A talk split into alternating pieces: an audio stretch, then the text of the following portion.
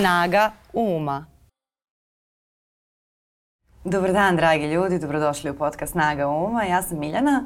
A u posljednje vrijeme često mi se desi da pomislim da je došlo krajnje vreme. Bilo da, e, da gledam e, sukobe na mrežama u vezi sa raznim temama, pre svega te sukobe oko porodičnih vrednosti, ovih vrednosti, onih vrednosti, a i onda kada pogledamo e, šta se dešava na globalnom nivou, porast tih desničarskih stranaka, zapaljive poruke, gdje se malte neko koketira sa nuklearnim oružanjem, zaista se često zamislimo da li je došlo krajnje vrijeme i da li je čovečanstvo zaista došlo do neke tačke u kojoj će se samo uništiti, da li imamo šansu za neku novu renesansu. E, tako da je to i tema današnjeg razgovora koji ću uvoditi sa vjerojatno idealnim sagovornikom za ovako jedno problematično, ali inspirativno pitanje. E, moj današnji gost, profesor dr. Ratko Božović, vjerojatno sinonim znanja i dobrog promišljanja društva za sve ljude koji se bave humanističkim naukama ili ih vole. Profesore, dobro mi došli.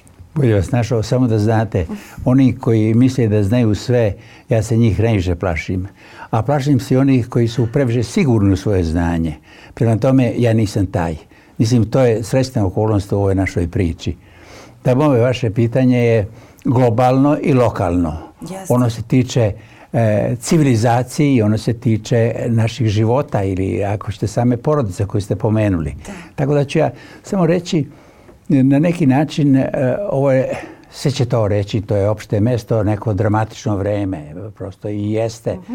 jer tu imamo nekakav rat, onda imamo E, tu geopolitičku makljažu prosto i jedan pokušaj da se taj svet koji je uređen na jedan način sad jedan put tumba i imam utisak kao da hoće da, da promeni tu geopolitičku sliku i interese. Dakle, tako, nije to moja tema, ali prosto mi se čini da je jedan svet stari mhm. ili oronuli prilično sklon padu i nestajanju, a novi se nije još formirao. I to je taj jedan vakum koji je najopasniji po mom mišljenju iz prostog razloga što nemamo odgovore na nove okolnosti. Nemamo konačno ni vrednostni sistem za nove okolnosti. Dakle, nešto je srušeno ili se ruši ili je sklono padu, a nešto još nije uspostavljeno. I to je, ja mislim, jedna globalna slika. U sve to što smo imali sa tim boleštinama, sa tim čudima koje, koje ne bi trebalo već pominjati, valjda će i nestati ako ih ne budemo previše pominjali i prizivali. A vidite, oko same porodice, vi ste pomenuli i porodicu i desnu tu orijentaciju. E, naša porodica i porodica uopšte je bila uveliko također jedno trošno zdanje koje je bilo sklono padu i nestajanju. Prosto ona je bila neisteku. Pretežno kada ovo govorim, govorim o našim situacijama, o našoj porodici. Jer su mnogi ovdje htjeli porodicu da stave u fokus svojih političkih orijentacija i spasavanja same porodice. Ta porodica, ta porodica je u ovim kriznim okolnostima, sankcijama, čudima, e, ratovima, ona, ona je postradala, ona je propala. Mi imamo porodicu koja se srušila, a nova nije formirana, nije obznanjena, nije uspostavljena ta moderna porodica. I dakle i naša porodica i porodica u svetu je u znaku jedne velike transformacije. Recimo u toj transformaciji, evo pominjemo i mlade ljude, one koji dolaze, dakle one koji bi morali da uspostavljaju sistem vrednosti, pa su postavlja pitanje da li će biti kontinuiteta ili će biti diskontinuitet. Pazite, e, oni, oni više nisu u porodici sa vrednostnim sistemom svojih roditelja i svih dedova oni imaju drugi sistem vrednosti. I to je već e, sukob u samoj porodici. Da. I više porodica. To istraživači porodice dokazuju, to mi na neki način prosvetarski zaboravljamo i na neki način nećemo nemile, nemile asocijacije i observacije koje na neki način jesu problematične ili, ili surove i tako dalje. Nikada nije bio veći sukob suštinski između roditelja i dece.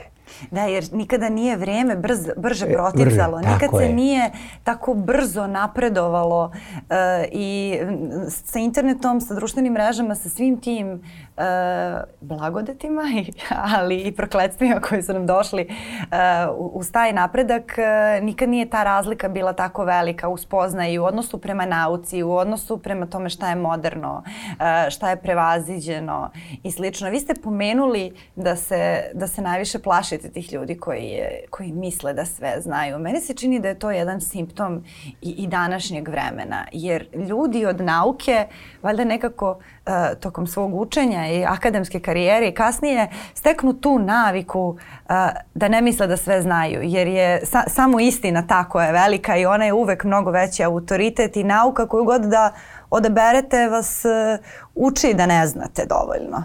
I što više znate, to više ne znate i nekako skromni, da uči nas nauka da budemo skromni, a s druge strane ovo neko površno znanje koje imamo i na internetu kad nas nešto malo kao zanima pa pročitamo nekoliko stranica o nečemu, ono uliva neku, neko uverenje da znamo, pa olako formiramo te stavove jer i tu došlo do, do, to, do tog nekog raskoraka i tih e, koji posle dovode i do tih sukoba i do svega.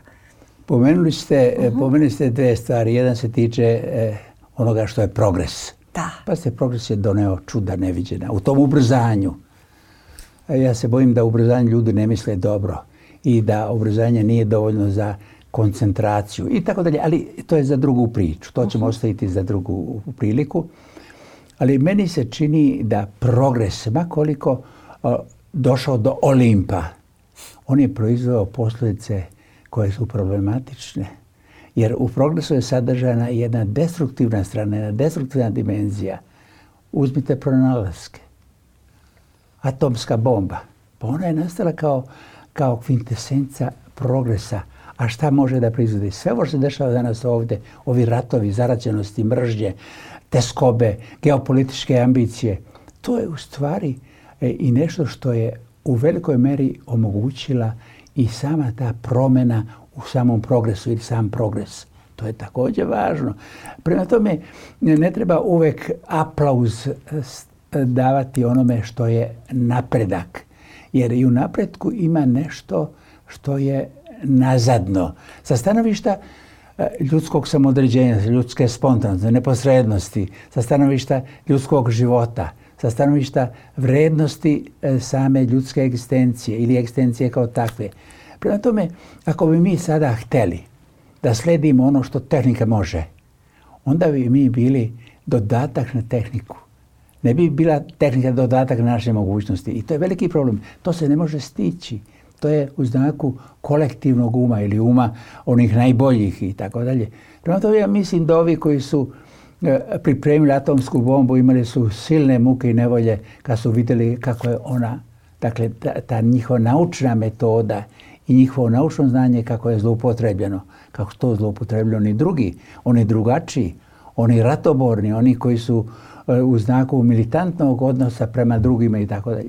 Prema tome i, progres, ovo nije priča protiv progresa, ovo je priča za progres, ali govorimo o, o problematičnim dimenzijama tog progresa jer proizvodi nešto što je krajnje problematično stanovišta E, ljudskog života ili ljudske egzistencije. O ili stila življenja. Zapravo, e, ako sam vas dobro razumela, e, sa svakim napretkom mi kao ljudska bića postajemo sve moćniji. E sada, koliko smo sposobni da tu moć koristimo samo za dobro, vidi se ovim ovako neuralgičnim tačkama istorije i našeg ponašanja, da li, da li to što smo dobili napretkom koristimo samo za boljitak ili ne. Pa tako je bilo i sa dinamitom, tako je bilo i sa pojavom televizije koja je isto dovela, desni, do, dovela do posla jačanja desnice, populistički govori e, su na jednom potpuno novom nivou mogli da utiču na, e, na srca ljudi, da, da parafraziram nekoga koga ne bih voljela da citiram. E, tako da, da, da je to nekako, jer nam se sada dešava isto to, da je komunikacija mnogo jača, samim tim e, populizam e, ima mnogo jači domet nego što je imao onaj neki stari populizam na koji smo možda kao čovečanstvo postali imuni jer smo se dobrano opekli sredinom prošlog veka, sada je prevaziđena, društvene mreže su donele neki novi koncentrat toga i da onda i svi ti sukobi nekako proizilaze iz tih e, veoma, veoma starih fora od Zavadi pa vlada i do tog srca naroda i, i svega što nam se čini da na nama sada, samo pitanje da li ćemo se samo uništiti u stvari e, ili ćemo nekako taj džumbus pregrmeti da bismo mogli da očekamo tu novu renesansu. Jel Najmanje dva sata mi je potrebno da odgovorim na pa, profesore, takvi su nam razgovori, šta da vam radim? Takve su mi brige. E, ima tu mnogo nesporazuma. Pazite, mhm. nesporazum je i u tome što mnogi misle da je tehnologija, da je tehnika vrednostno neutralna. Da. Da, je nebitno kakva je tehnika, nego kako je upotrebimo i kako je u stvari zloupotrebimo. Međutim, jedan Makloan je, govoreći o, o mediju ko poruci, da. rekao, pa nije svejedno hoće li neka dama, neka žena napraviti pitu od e, zdravih ili, ili nekakvih e, e, trulih jabuka. Nije svejedno imamo li klasično naoružanje ili imamo ono, da kažemo, moderno, atomsko naoružanje i slične stvari. Nije jer sama, sama ta tehnika nije samo u tome kako ćemo upotrebiti, nego kakva ona jeste. E, po tome kakva ona jeste, nastaju veliki problemi koji mi često ne shvatamo. E ne može to biti sve upotrebljeno tako da tehnika ne proizvodi posljedice koje su problematične. To je jedno ovako složno pitanje, e, prosto u, u, u to novih ovih e, konfuzija koje se dešaju na liniji progres, te nove potrebe, nove aspiracije, nove želje i tako dalje. Ali stvarno, to je opet jedan paradoks. Imamo ovo ubrzanje vremena koje ste pomenuli na početku, u kome mm, imamo iluziju da stižemo svuda i da smo svuda prisutni, a ja bih rekao sa ambicijom da smo svuda i da smo svuda prisutni, nema nas ni tamo ni ovamo. E to je jedan od velikih problema. Velikih problema i u, tom ubrzanju dolazi do jednog enormnog ko, vremena. A vreme, naše vreme, ljudsko vreme je najvažnija naša imovina. E, to mi nekad ne shvatamo. kad vidimo neki političari vladaju nikako i svakako i tako dalje. Ne postoji snage koje ih mogu svrnuti sa vlasti i tako dalje, jer oni znaju da uspostavljaju taj marketing kao prevaru, kao laž i tako dalje. I oni ostaju dugo, što sveta koji nije obrazovan, koji nije medijski obrazovan, koji je nepismen i tako dalje. Oni ostaju tu, oni prazne glave pune svojim medijskim uticajem, e, jer su mediji njihovi. Pazite, čim su mediji njihovi, to je već situacija da vi možete puniti e, tim utjecajem te prazne, ajde da kažemo, ne, ovdje nije govor protiv e, ljudi koji, koji su nepismeni, nego govorimo o tome šta se dešava kad se ne zna šta se dešava. A to se često dešava, da se ne da što se dešava, jer mi e, čujemo ono što nam kažu, a nemamo znanja da to prihvatimo ili da to odbijemo. E, da to, mi to prihvatamo laički, prihvatamo na neki način lakumno i previše rasejano i tako dalje. Tako da e, u svemu tome vidim kako strada i naše vreme kao najvažnija naša imovina, kao najvažniji ljudski resurs jer nema važnije stvari od našeg vremena. Onda kažemo, pa promijenit će se to kroz koju godinu. Mi ćemo čekati da dođe do promjene. A ja se pitam koliko ćemo mi godina izgubiti dok dođe do te promjene u koje ćemo mi biti uspravni i ljudi da se razumemo kao ljudi i da komuniciramo kao ljudi. Jer e, da, nas ne vodi neko, da nas ne zavađa neko, da nas ne usmerava neko, da ne bude neko naš ego. A nije dobro da naš superego bude neko izvan nas samih. Superego postoji u ličnosti. Ako nema ličnosti, onda nema ni superega. I, i to, je, to jedno složeno pitanje, krajnje složeno pitanje. I ja se bojim da ne odemo u neku, neku priču koja je daleko od e, nekog prihvatanja. Mhm. Ali e, ovdje, čini mi se, postoje kao veliki problem e, komunikacija. Komunikacija, jer je to paradoks.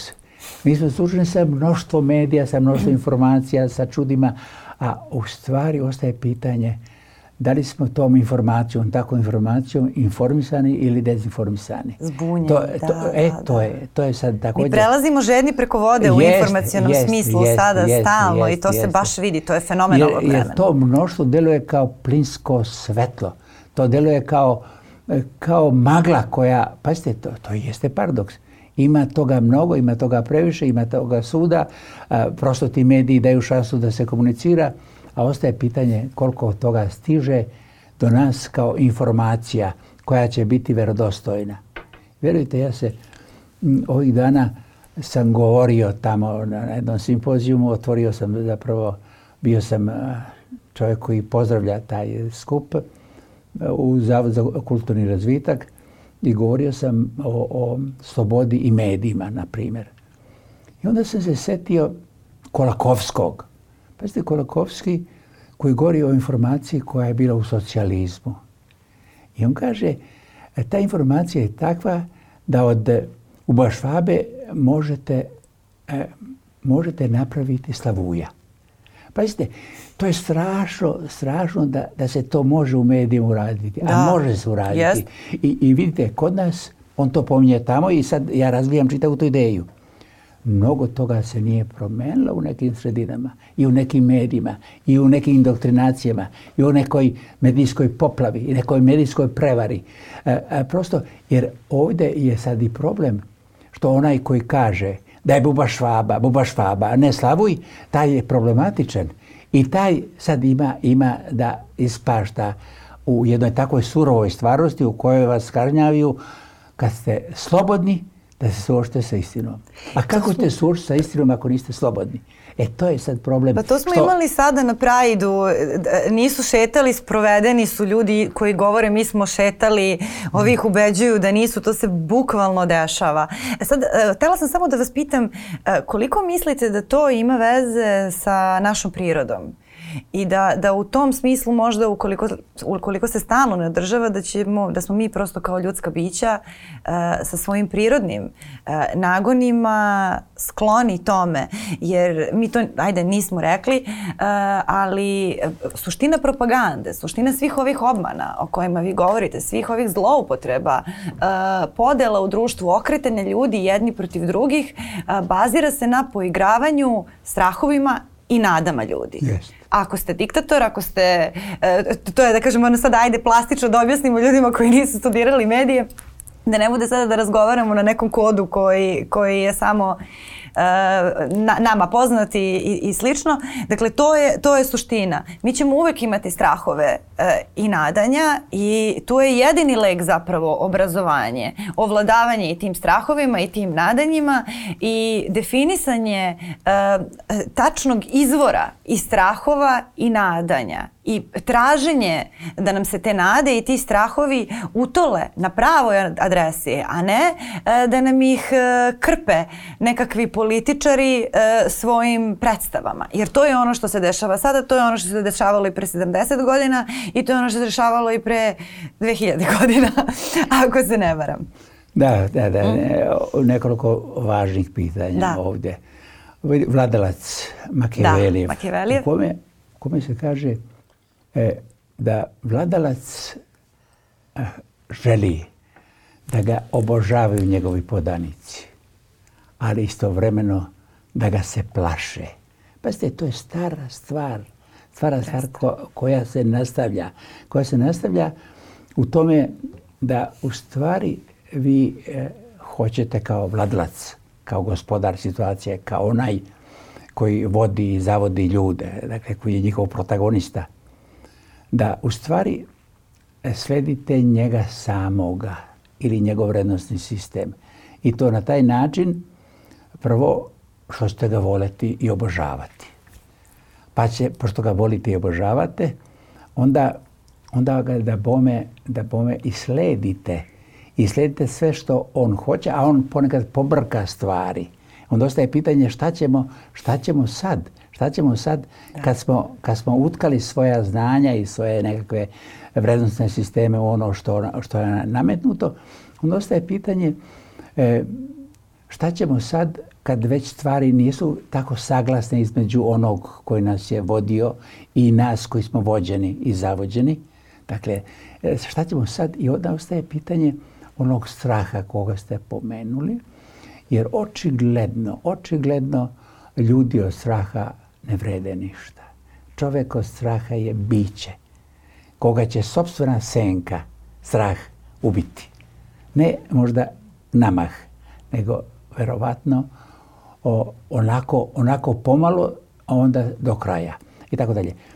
Da bome, tu je sad i ova, ova vaša anticipacija tako potrebna, tako neizvjesna i tako, tako dragocena. Prvo da kažemo pesmičku dimenziju. To bi prošla leopardi, bi, leopardi bi rekao o nade, nade, vi prijatne varke. Pazite, a negde e, filozofi govore da je nada negdje utkana u tu utopiju, utopija, ali ne kao organon za ideološko, nego kao organon za promjenu, za novo, za ono što, što se mijenja i u samom čovjeku, i što se mijenja u samom društvu, u civilizaciji i tako dalje. I to je ta e, drugačija nada, ja mislim, i ona je potrebna na neki način, ne da bi bila isprazna optimistička varijanta našeg pristanja na ovu ili onu orijentaciju, nego da bi kritički konačno napuštali ono što je e, problematično što nas pritiska kao ljude, kao vrednosti sistem i tako dalje, da bi stigli makar korak jedan više od onoga e, gdje smo sada. Prema tome, taj organon za novo, to je ona filozofska orientacija, to je ta utopija e, koja, ima smisla da, da bude nama pred očima kad anticipiramo stvari. Jer pazite, mi često e, znamo da vidimo stvari kratkovido. Vidimo ih, e, prošlost zaboravljamo, sadašnjost na neki dan živimo u nekom košmaru, a nigdje nema budućnosti ili jasnijeg određenja prema onome što je promjena, što je anticipacija, što je ono što treba da dođe. Jer mi ponekad onim što činimo sada pokvarimo i ono što će da dođe i što bi moglo i trebalo da dođe. Jer e, to što smo pokvarili sada teško se može ispraviti jer manje više mi se e, često bavimo samo posljedicama, a ne ono kako smo došli do tih posljedica. E, samo, bih vas vratila na Machiavellija. E, i na tu tezu. to se dosta govori o tom vladaocu koji želi da bude voljen, ali i da izaziva strah. Ali ne znam da li dovoljno govorimo o tome zbog čega on želi da bude voljen i da izaziva strah. Šta nije u redu sa čovjekom koji ima potrebu da ga se ceo jedan narod i plaši, a i da ga obožava u isto vrijeme. To nije, nije zdrava potreba, nije prirodna potreba eh, ni da je imate za svoje blisko okruženje, a kamoli za tako jedan veliki broj ljudi. Pa možda ne bi bilo loše u, u, u svetlu, da kažem ove moje bojazni, za, za globalnim eh, populizmom i posljedicama tog populizma u koje smo kao planeta upali, da se osvrnemo na, na to kako izgledaju ti političari koji imaju te potrebe? Kako izgledaju ti govornici? Možda to nisu uvek samo političari, možda ih imaju u drugim branšama, ovi su najmoćniji, naročito kad su na čelu nekih moćnih država. A ko je taj čovek iz ugla eh, tih nekih psihosocijalnih karakteristika, ajde tako da kažem? Vi ste mi Koji su porivi, da. E, e, sad ću da pojednostavim vaše složeno pitanje i dobro pitanje. Šta u redu s čovekom koji e, to radi u prevodu? Odnosno, sad ću vam reći kakvog ja ne bih volio čoveka da. vlada nama. Prvo ne bih volio da vlada bilo kojom zajednicom, prosvećenom ili, ili civilizacijski usmerenom ili vrednom, čovjek koji ne može da vlada sobom, a hoće da vlada drugima. A u korpusu tih rđavih osobina, Ono ko, ko hoće da vlada, a vladar je problematičan po tome što hoće da vodi, a ne može samog sebe da vodi e, na, adekvatan način. Jasno, da. Mislim da je to e, biće koje je problematično kao e, narcisoidno biće, kao narcis. Pazite, narcis ima jednu osobinu koja je opisana i dokazana. On ima samozaljubljenost, i samodovoljnost. A onda još, još ima zaluđeno sobom i svojim potencijalima, svojom ličnošću. A ozbiljno govoreći, ostaje pitanje da li je to ličnost ili kad je izašao iz svoje ličnosti u funkciju, u neke, neko bitno društveno opredeljenje ili važenje ili kako hoćete, u vođu i tako dalje, on napušta možda, ako je imao ličnost, on, on, više je u znaku predstavljanja i onoga što znači ili što je na neki način vezano za samu vođu iz tog vremena. Jer ipak i vrijeme utiče na njega i determinante i stvari. I da bome, ja, ja u, u toj narcoidnosti vidim malignost. To je maligna narcoidnost. Kad ja hoću da budete svi vi koje ja vodim kao ja. I onda imate jednu situaciju koja je eh, i opisana. Imate velikog narcisa i male narcise. To bi mogli da pokažemo i na našem primjeru. Njima, da. Eh, jeste, da bome. Eh, sledimo vođu, hoćemo da budemo kao vođa, ličimo na vođu, to je najbolja varijanta našeg života i našeg političkog opredjeljenja i onda imamo male narcise.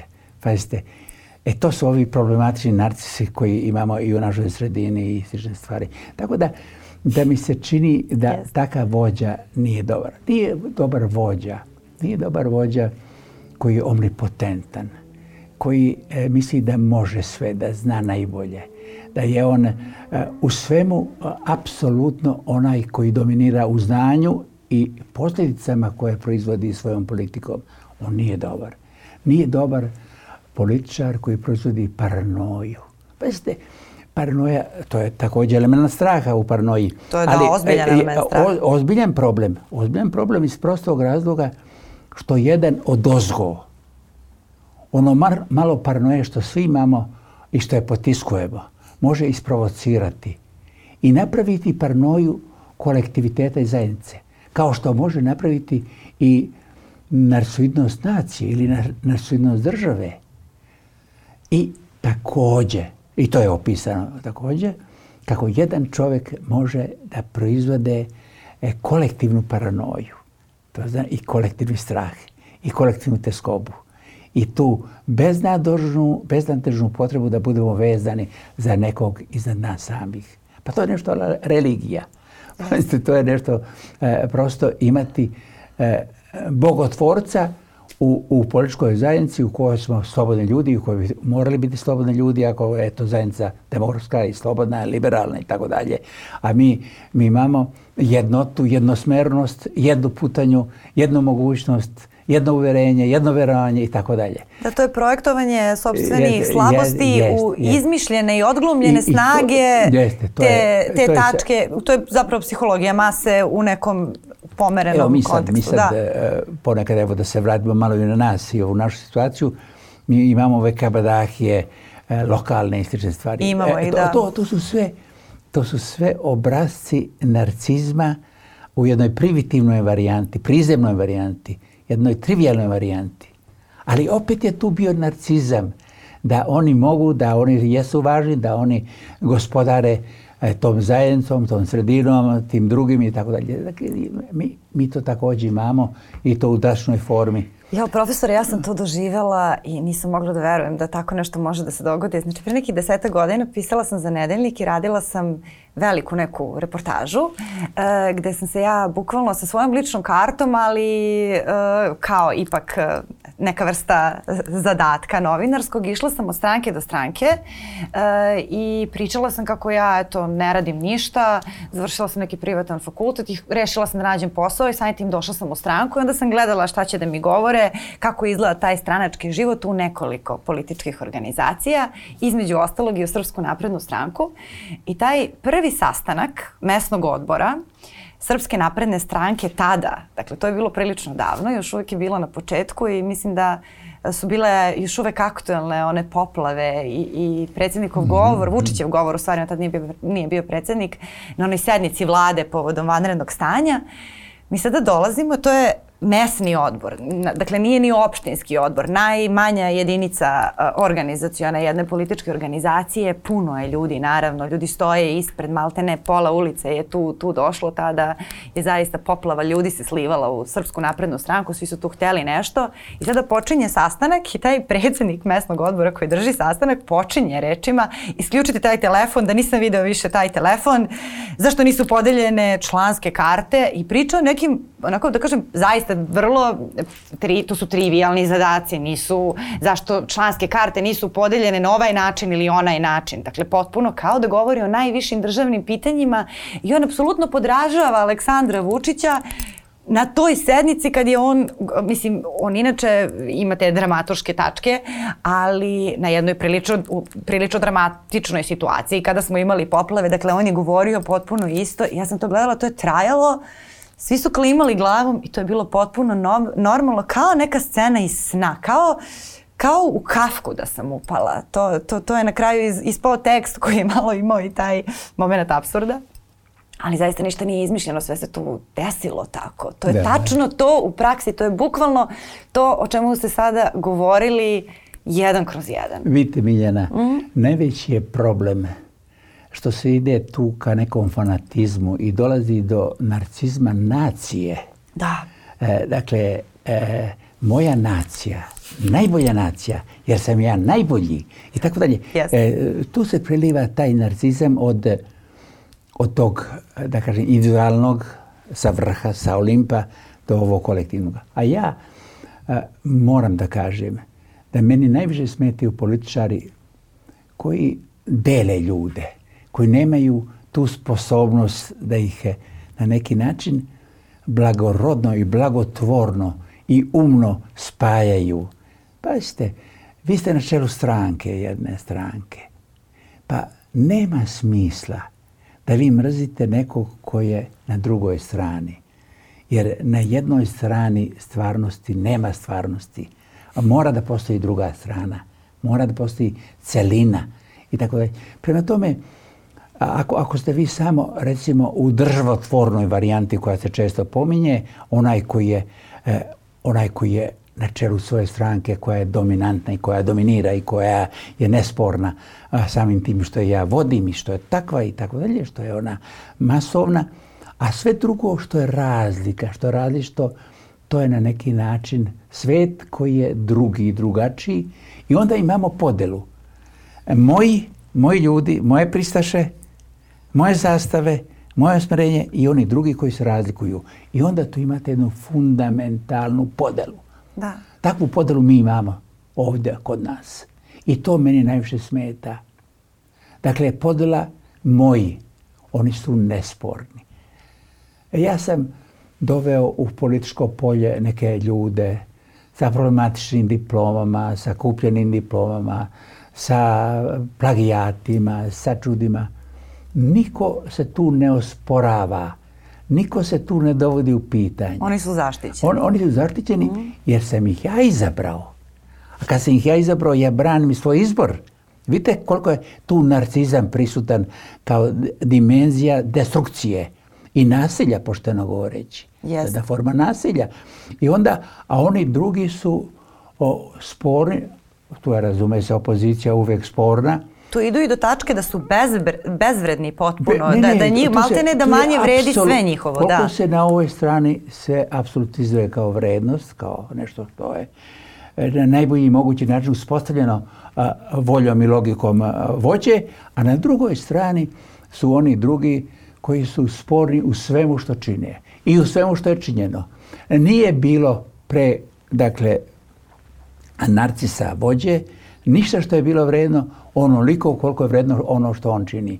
I tu imamo jednu fundamentalnu e, podelu. I moram, nekako sam razmišljao o tome, e, mnogo ćemo dugo putovati do situacije da vlast želi opoziciju, da želi e, kritičare, da želi one koji su alternativa. Jer to je prava zajednica, jer je to tolerantna zajednica, jer je to, to zajednica koja ide naprijed. I neće biti onda strašno što ti drugi koji imaju razlike, koji imaju predloge, koji imaju ideje, a pritom su te ideje usvojene. Svugdje gdje, gdje, se mogu usvojiti pravimo zajednicu, pravimo sintezu, politika kao sinteza. E to je sad taj problem koji mi imamo ovdje, očigledan, drastičan i na neki način što bi ja označio kao političku arheologiju. Da, to je zanimljivo. Sad kako, privodimo kraju još malo ovaj razgovor, ne bih voljela da se, da se ne zakačimo jer ste e, fantastično razložili ovaj problem porasta nasilja. Dakle, što stoji iza, ovih podela, iza tih e, sve agresivnijih poruka e, od tog mikronivoa, od porodice, što možemo da vidimo i saobraćaja, pa do ovih stvari koje utiču maltene na globalnu bezbednost. I pomenuli ste tu narcisoidnost kao, kao ne, ne psihološku kategoriju nego i, i vrednostnu čak, iako je ona i na, psihološka kategorija. Dakle, tu je jedan od simptoma je upravo to, nepoštovanje tuđih granica, slamanje, nepoštovanje drugoga zarad sebe. E, I onda je potpuno i normalno da iz jednog takvog poriva kada krenu da se izdvajaju takve ličnosti, oni neće poštovati granice drugoga Inače te jake narcis, e, e, ti, ti jaki narcisi kada se nađu jedan naspram drugog doći će do, do klašar, jedan drugog iritiraju. E, čak i kada tu nije politika neka koja, pa da jedan drugog i osporavaju, može uvijek biti samo jedan. Da li nam se to dešava na globalnom nivou sada? Dešava se na globalnom, čim čim je ambicija da se menja geopolitička slika ona se može mijenjati ne mirotvorno, ne može se pregovorima, nego zna se kako se to čini i to je, to je, o tome ne želim da govorim, ne želim da se u to upuštam, jer prosto negdje, negdje bi želio da, da toga nema i da, da se na neki način to mirotvorno dogodi. A evo uzmimo našu zajednicu, ja, ja se e, neprekno e, vežem za nas. Kako mi razgovaramo? Pa mi razgovaramo ratotvorno, netolerantno, pa mi govorimo sa mržnjom prema drugome. Naš govor je naslje u odnosu na drugo drugačije mišljenje. Ne, ne može se voditi dijalog s onim koji misli da su njegove ideje najbolje na svetu, onda zašto da vodimo razgovor sa onim koji je već e, samodovoljan. I e, moram da kažem, često to dešava, da je iza toga maska iza koje nema ništa. E, to, to je veliki problem. To jeste veliki problem. A opet e, tu postoji i, i, još jedan paradoks. gospodin Boris Tadić je gostovao ovdje, on je baš govorio o psihologiji moći, što je odličan sagovornik za to, jer je i klinički psihologa i bio je na poziciji moći i nagledao se svega i svačega tu i kako, kako malo moći ume ljude da promeni brzo. ali tu postoji ta, ta, ta začkoljica da je ludost uvek e, motivisanija, e, da, da, da uvek ima više energije od od ljudi koji delaju iz čiste racionalnosti, jer opet racionalnost je usko povezana i sa naukom i sa onim što je provereno znanje. Ona je uvek tu i da sumnja. Racionalnost nema potrebu da se agresivno nameće, jer zna da je to pogrešno, nju je sramota i onda u jednom ovako bučnom svetu uvek će se izdvojiti oni koji taj problem nemaju. je to je tačno, to je tačno. I onda je tu u igri nasilje i mržnja. Mhm. E, mržnja je, po mom mišljenju, jedna antropološka greška, suštinski. E, mada mi to ne vidimo uvijek tako. Vidimo prosto da, da preko nasilja ili mržnje u odnosu drugoga i uspostavljamo sebe kao ličnost. Mnogi političari nikada nisu ni postali političari bez mržnje u odnosu na druge. Mržnja ih je omogućila. A to je strašno kad, kad me mržnja napravi ličnošću. Kad izađem iz ličnosti ako imam, u, neko predstavljanje, neko značenje u političkom polju i e, tako se označim. To je, to je užasno, užasno opasna situacija i to se također dešava i to je također u nas vrlo prisutno. Samo da ponovimo, molim vas, šta ste rekli, mržnja ih je omogućila. Jeste. Kako je to odrednica dobra? Jeste. Kako je to dobra odrednica, e, profesor? E, Hvala vam na ovome. Znači, ovo je tako, bukvalno morala sam malo da zastanem jer je to toliko tačno. I kad bismo mogli da naučimo da gledamo te ljude, uh, koje, svi smo mi imali sada neku asocijaciju kad ste vi izgovorili, mržnja ih je omogućila. Uh, ko su ti ljudi koje mržnje Oni bez mržnje ne postoje, o tome se radi. E, to je njihov, uh, njihova forma delovanja ili forma opstajanja i stvari. Onda da bome, u onome što smo govorili o narcizmu, onda imamo one koji idu za, za vođom, i oni također se vrlo brzo uče mržnje i netoleranciji prema onim koji se razlikuju i koji nisu kao mi. Eto, to je nekakva, ja bih rekao, antropološka situacija koja je prisutna i u nas i šire. I šire. A ima li nam renesanse u skorije vrijeme? Šta mislite? Ja mislim... E, hoće li, ovo pući? Ima li šanse da ovo pukne, ali da ne bude mnogo strašno i da onda ta renesansa dođe brzo koji sve drugo? Ja, ja često, ja često se vraćam na Kunderu iz šale, kada u odnosu na ideologiju kaže optimizam je na glupost. E ovdje, ovdje, nažalost, mjesta za optimizam nema.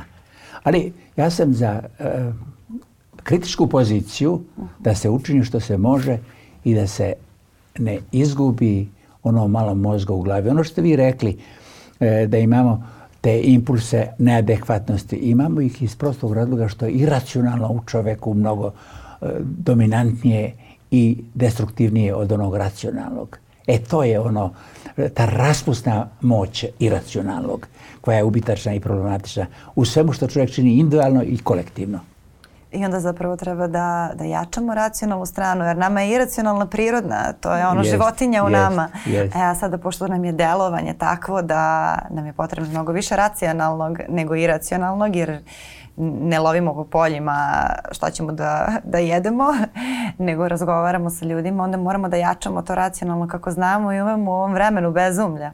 Jeste, tako je. A mislim da, da ste vi u tome danas mnogo pomogli ovim razgovorom. Mnogo vam hvala. Hvala i vama. Nadam se da vam je bilo prijetno. Apsolutno. Da smo uspjeli da zakačimo makar neke od ovih, e, neke od brojnih suština iza ovih vesti koje nas brinu i ovog osjećaja koji nas brinu. Ovo je kap u moru velike neodređenosti. Nemojte tako kap po kap, pa znate kako ide. Malo svetla osvetli veliki, veliki mrak.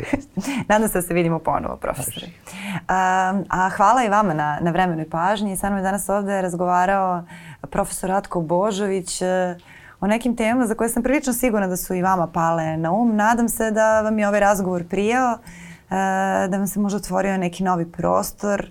Iako možda predviđanja nisu tako svetla, mene lično uvek e, umiruje razgovor iz pozicije mudrosti i plemenitosti, e, jer onda nekad, makar kap, kao što je rekao profesor, možemo da napredujemo, a samim tim i da se osjećamo bolje. E, mi smo tu i sljedećeg poneljka na Nova RS. Prijetno!